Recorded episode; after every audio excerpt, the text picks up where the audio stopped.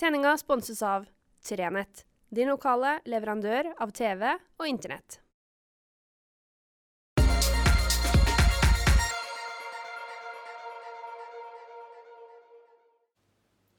Riktig god fredag. Vi har et tett samarbeid med en del aviser rundt omkring i Troms, og for så vidt i det ganske land. Som en del av Polaris-konsernet så samarbeider vi tett med mange aviser. Vi har et nært og godt samarbeid med våre venner oppe i Alta, Altaposten. Og vi har et like så nært og godt samarbeid med i Tromsø og Folkebladet og Harstad Tidende. Og flere andre. Men nærmest for tida så er vi nok eh, på stoffutveksling i Tromsø. Der har man etablert en eh, avdeling som driver og graver i næring.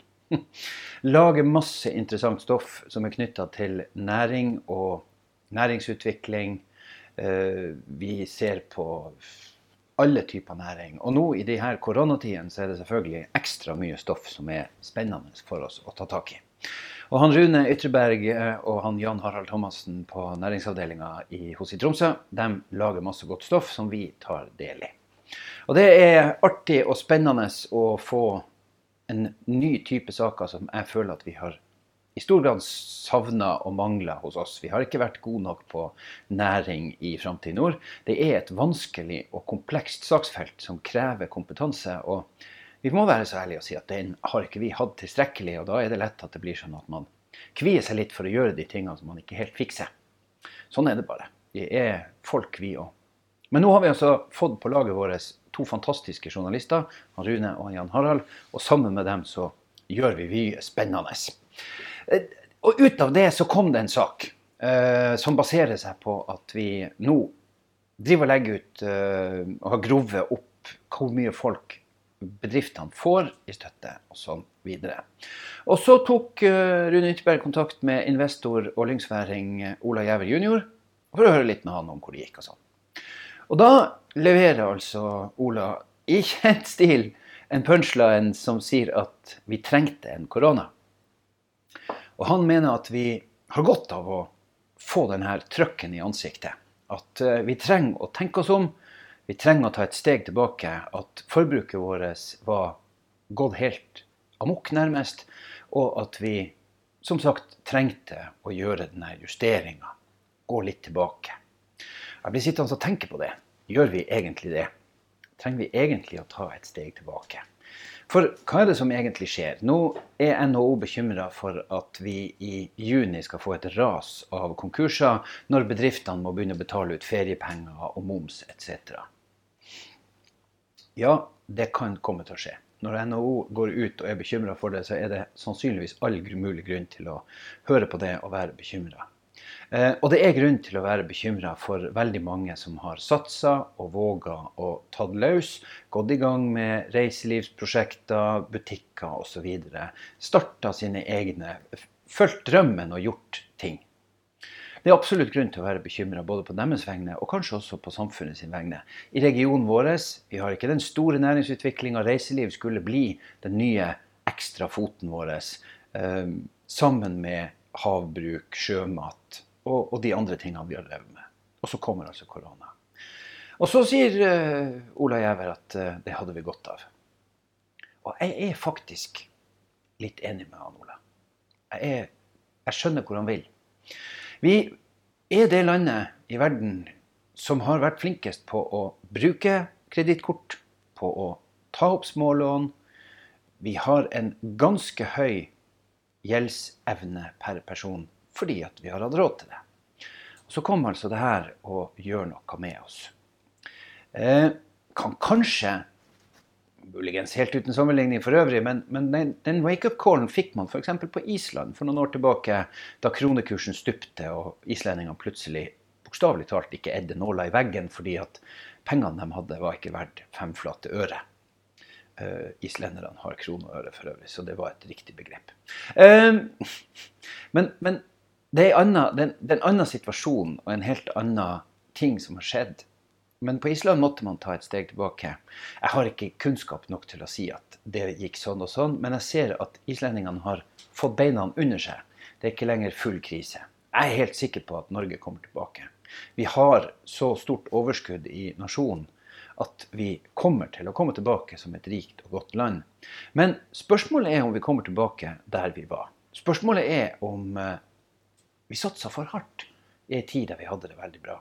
Og i så måte kan det godt være at han Ola har rett i at vi trengte en korona. Vi trengte å få et wake-up call.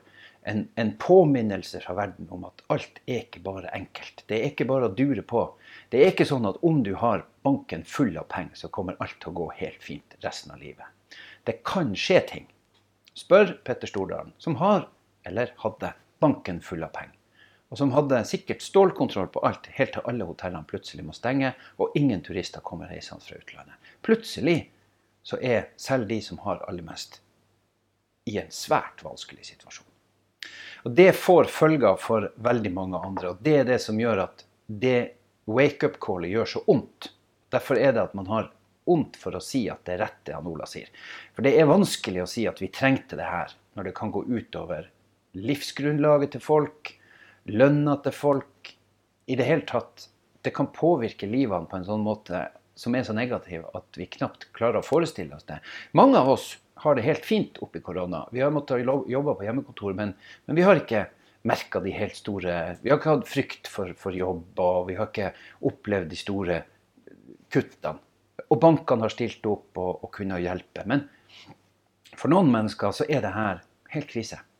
Det er arbeidsledighet, det er måneder med permitteringer, ja, det er oppsigelser, det er konkurs. Og da er det vanskelig å si det at uh, wake up call er liksom noe vi trengte.